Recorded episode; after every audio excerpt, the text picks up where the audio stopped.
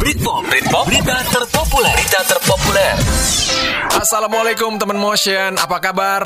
Masih aman dong puasanya? Asik. Kembali lagi sama gue Mamang-Mamang yang akan ngasih lo info-info menarik, berita-berita terpopuler yang dirangkum ke dalam Britpop, berita terpopuler Motion Radio. Berita terpopuler. Nah, Britpop pertama yang bikin heboh nih, yaitu soal seorang YouTuber bernama Paul Zhang yang seenak jidat ngaku-ngaku sebagai nabi ke-26. Waduh, gokil ya. Jadi dalam konten videonya di YouTube yang berjudul Puasa Lalim Islam, si Joseph ini menyinggung soal puasa yang dilakukan oleh umat Islam saat ini nih teman motion. Terus, dia juga ngebahas soal kondisi masyarakat Indonesia yang saat ini lagi puasa, begitu juga sama muslim yang ada di Eropa. Nah, Joseph juga nantangin ke orang-orang orang nih. Katanya, siapa yang bisa laporin dirinya ke polisi atas dugaan penistaan agama? Nih, gue kasih duit sejuta. Lah, sejuta? Karena dianggap udah bikin gaduh, Joseph Zhang yang diketahui nama aslinya adalah Cindy Paul Suryo Mulyono dilaporkan ke Bares Krim Polri tuduhannya terkait hate speech sama pelanggaran Undang-Undang ITE. Nah, sekarang yang jadi masalah nih, si Joseph ini ternyata nggak ada di Indonesia. Dia itu tercatat pernah tinggal di Salatiga 5 tahun lalu, terus ninggalin Indonesia menuju ke Hong Kong pada 11 Januari 2018. Nah, sampai saat ini si Joseph ini belum pernah balik ke Indonesia, teman motion. Informasi terakhir, keberadaan Joseph katanya ada di Jerman. Sempat 6 bulan tinggal di kota Bremen. Tapi sekarang kata Duta Besar Republik Indonesia untuk Jerman, Arif Hafaz Ugroseno, katanya kemungkinan Joseph ini sudah keluar dari Jerman. Akhirnya untuk menangkap Joseph, Baris Krim Polri akan menggandeng Interpol. Baris Krim Polri juga akan bekerjasama sama kepolisian luar negeri akan membuat daftar pencarian orang atau DPO supaya si Joseph ini bisa bisa dideportasi dari negara tempat dia berada sekarang. Sementara itu, kabar reskrim Mabes Polri yaitu Komjen Pol Agus Adrianto dan juga Majelis Ulama Indonesia minta umat Islam Indonesia tetap tenang, nggak terprovokasi atas ulah Jose Polzang ini.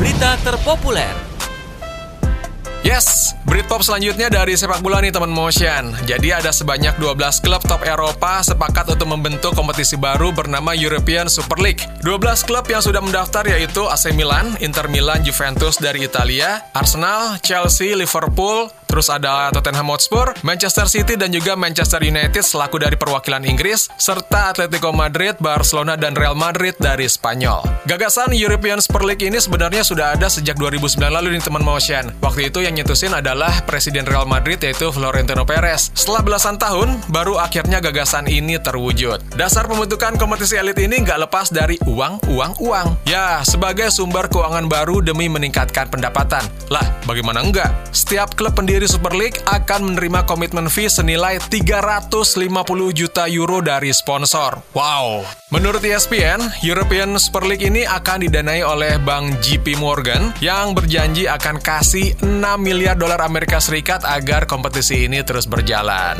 Kalau alasan formalnya nih, untuk ningkatin kualitas dan intensitas kompetisi Eropa yang ada sepanjang musim. Terus, menciptakan format untuk klub dan pemain top untuk bersaing secara teratur. Ya, itu alasan formalnya ya. European Super League nantinya akan diikuti 20 klub yang terdiri dari 15 klub pendiri dan sisanya 5 klub itu dipilih berdasarkan performa klub di kompetisi domestik Eropa pada musim sebelumnya. Kompetisi ini rencananya akan bergulir mulai musim 2023 atau 2024. Tapi, sepertinya nggak semua klub top Eropa nih sepakat nih teman motion. Buktinya, nggak ada nama Bayern Munchen, Borussia Dortmund, sama PSG yang notabene adalah klub tajir melintir di Eropa. Ketiga klub tersebut kabarnya menolak kompetisi elit tersebut. Begitu juga sama Premier League, La Liga, dan juga UEFA sampai FIFA ikut menentang. Jadi pengumpulan tim-tim elit Eropa dalam satu turnamen yang sifatnya tertutup disebut akan menutup lahirnya persaingan sepak bola secara sehat. Pastinya ini nggak adil nih teman motion, karena tim-tim gurem, tim-tim kecil nggak akan bisa bersaing dengan tim terbaik. Sementara tim yang sudah kuat, tim-tim yang sudah kaya akan semakin kuat dan tentunya makin kaya aja.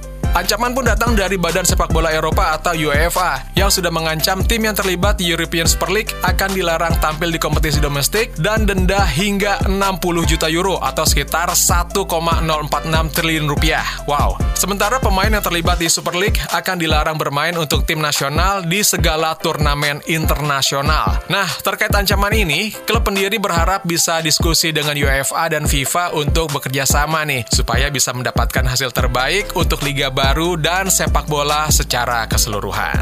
Oke teman motion, demikian sejumlah berita terpopuler yang dirangkum ke dalam Britpop, berita terpopuler Motion Radio, dan tentunya gue masih akan balik lagi dengan sejumlah berita-berita terpopuler yang tentunya oke punya. Assalamualaikum warahmatullahi wabarakatuh. Britpop, Britpop, berita terpopuler, berita terpopuler.